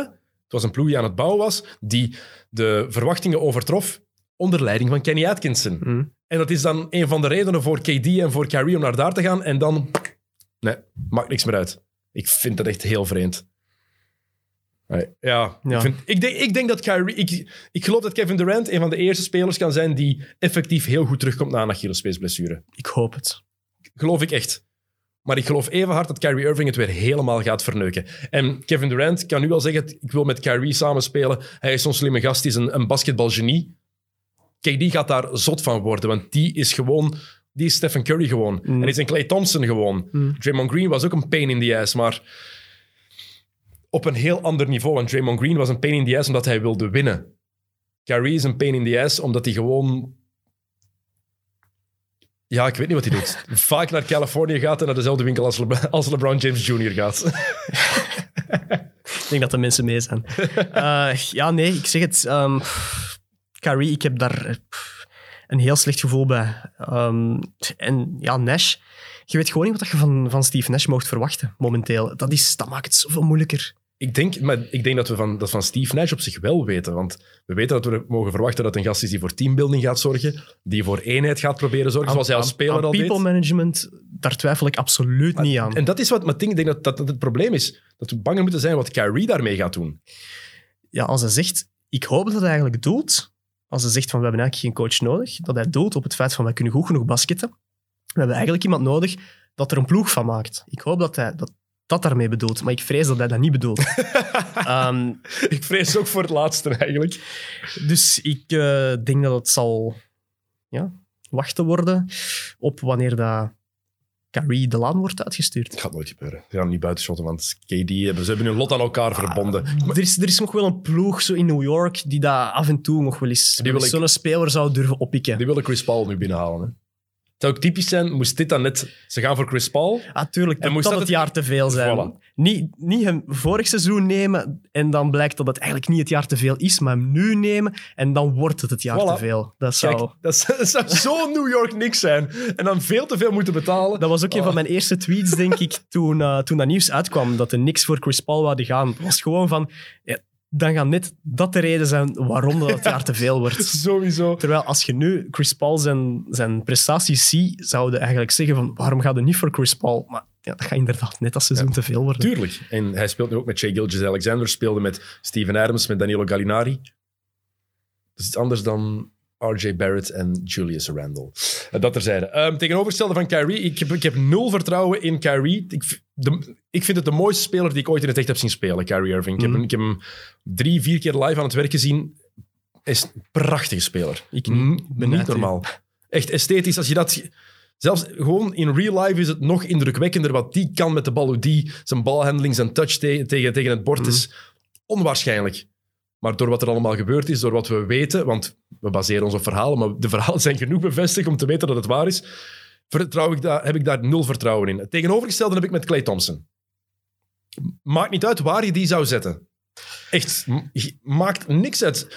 Start een ploeg in Siberië, zet Clay Thompson daar, zolang dat hij zijn hond thuis heeft, zijn shotjes kan pakken, is die content. He doesn't give a fuck. Rocco. Dat is zo fantastisch, die gast. Ik vind dat heerlijk. Nu ook, ze hadden gevraagd aan Bob Myers, ehm, wat vindt Clay Thompson dat jullie moeten doen met de number two pick? En Bob Myers zei, he doesn't care. Hij zal op training afkomen. Ah, is dat de number two pick? Ah, ziet er een goede speler uit. En hij, hij gaat basketten. Toffe kerel. Come on, man, dat is toch geniaal? Ja, als je zo, als je zo chill en alijs kunt zijn, dat is, eh, die eh, trekt gewoon zijn sloeg van aan en die gaat spelen. En dat is ook de reden dat die Big Three, of Big Four toen, hoe je het ook wil noemen, bij Golden State gewerkt heeft. Omdat je iemand als Clay Thompson had. Ik vraag me wel af,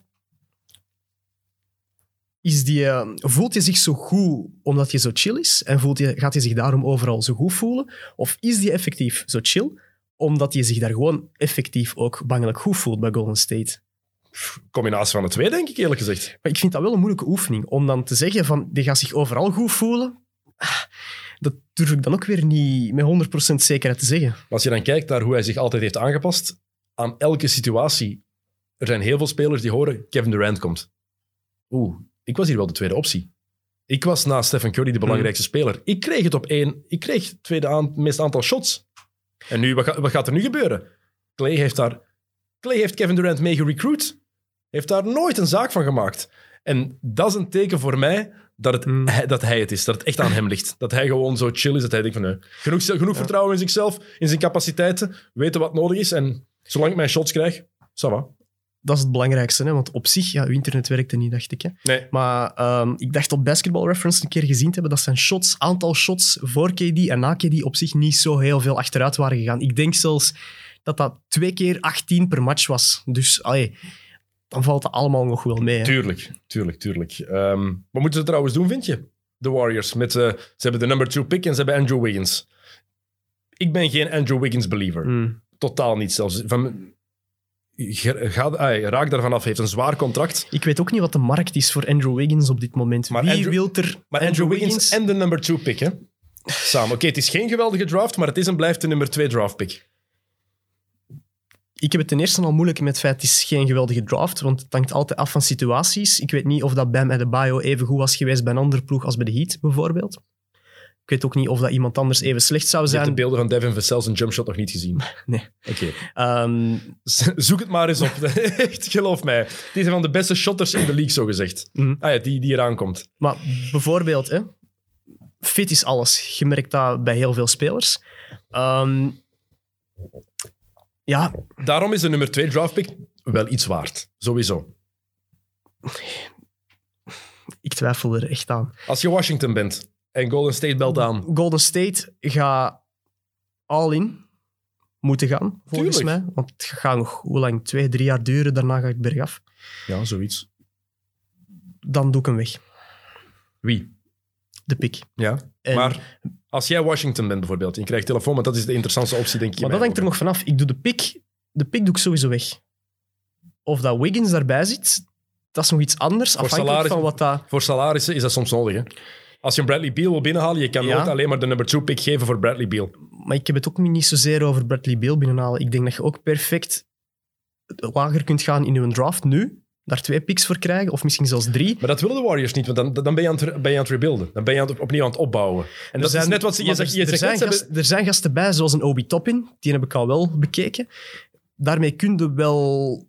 Maar dat is niet wat de Warriors nodig hebben. Dat is Nee, het, je, hebt het net gezegd. Maar die is wel direct jaar. inzetbaar op de positie dat ze hem nodig hebben. Jordan Bell was ook redelijk inzetbaar op de positie waar ze hem nodig hadden. Dat is geen garantie. Als je dan kan, als je de number two pick kan combineren Mm. met Andrew Wiggins en je kan Bradley Beal binnenhalen.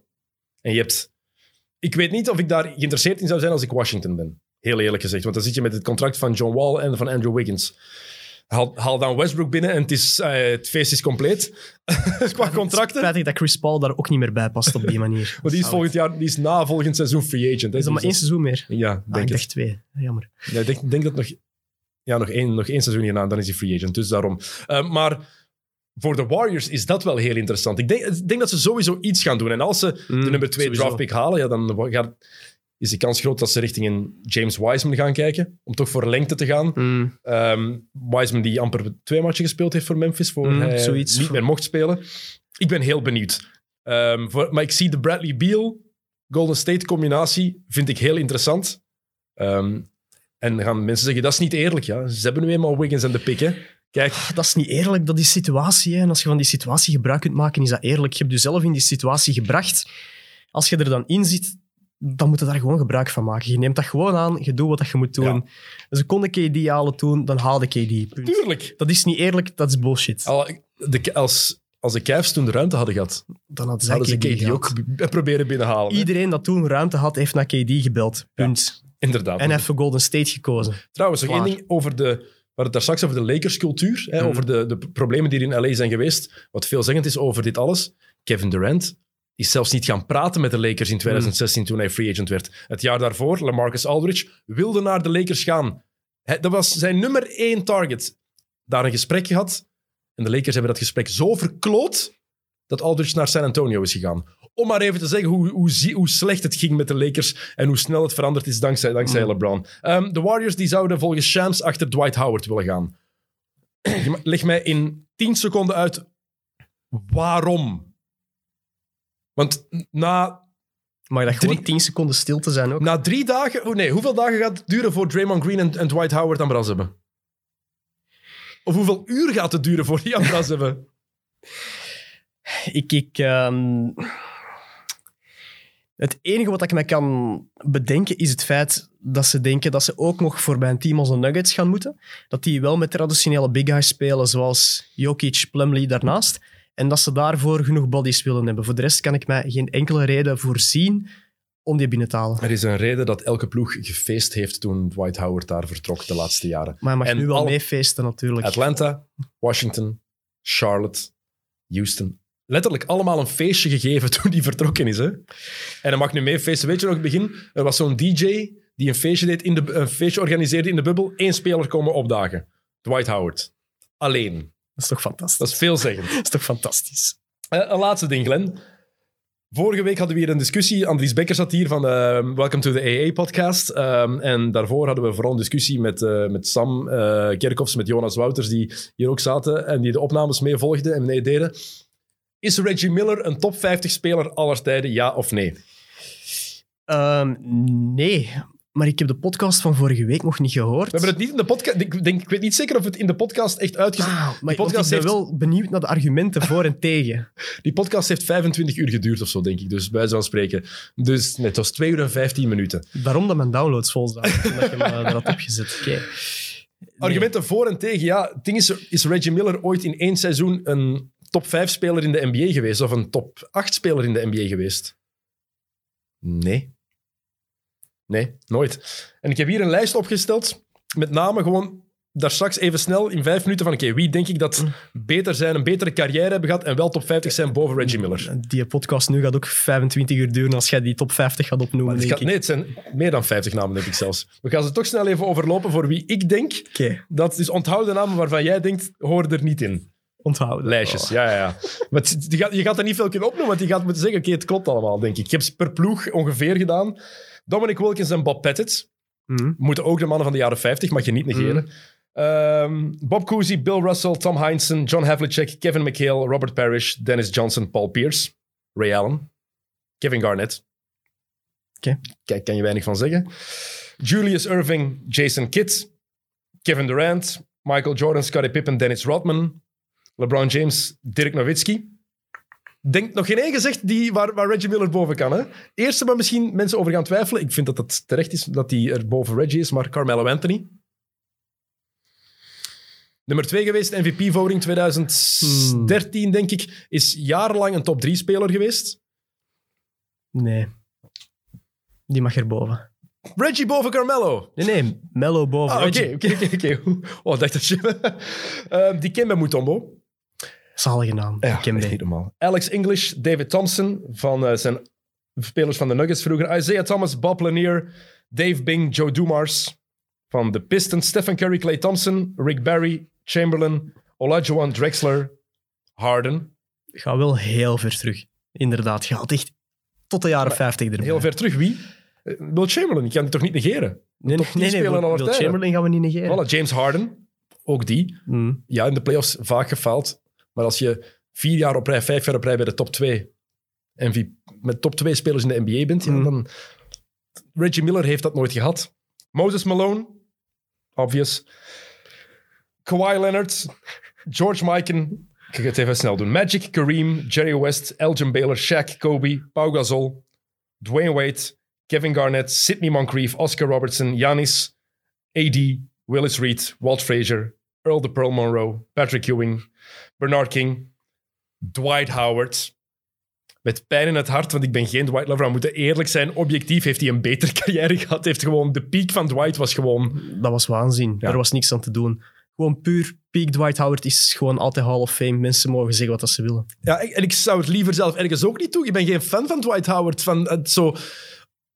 Op dat vlak volg ik Bill Simmons helemaal. Zo sporthaat. Ik vind die zo irritant. Maar, nee, maar als je, je moet het objectief ook kunnen bekijken. Niks weg van zijn prestaties. Hè? Nou, denk ik dan. Goed, ben er bijna door. Ehm,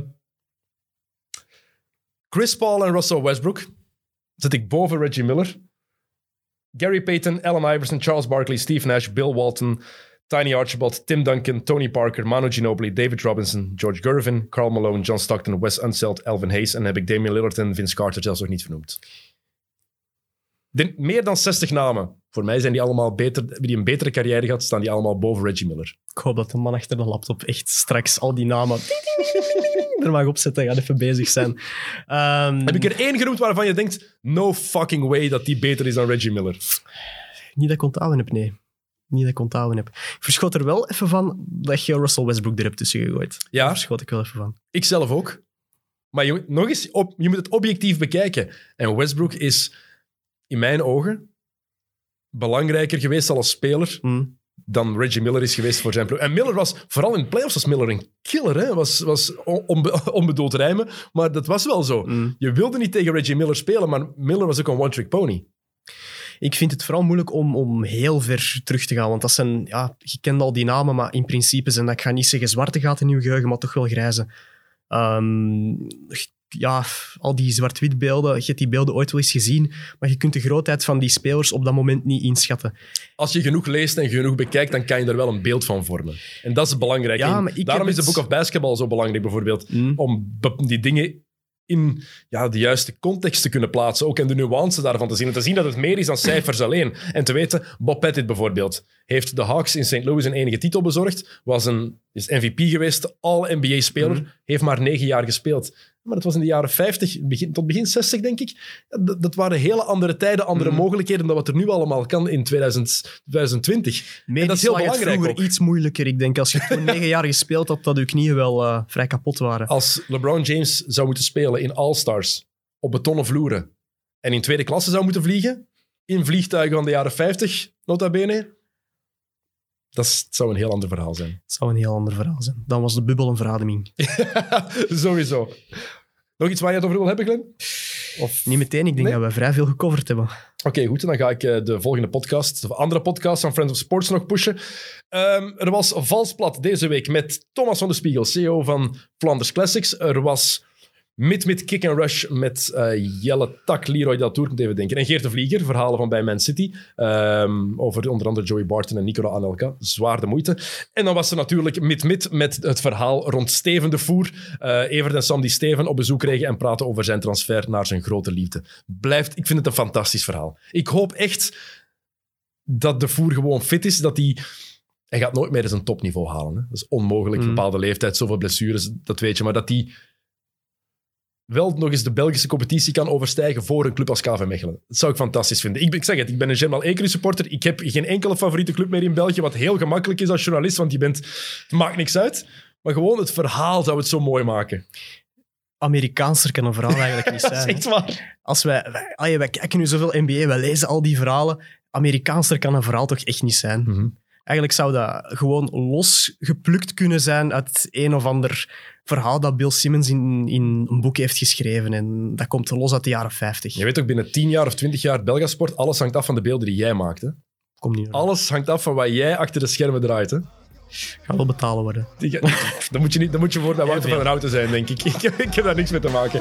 Glenn de Hollander, bedankt dat je tot hier wilde komen. Bedankt dat ik naar hier mocht komen. Alright, tot de volgende keer. Salut. We gonna fold, then we let it pop, don't let it go. X gon' give it to ya, he gon' give it to ya. X gon' give it to ya, he gon' give it to ya.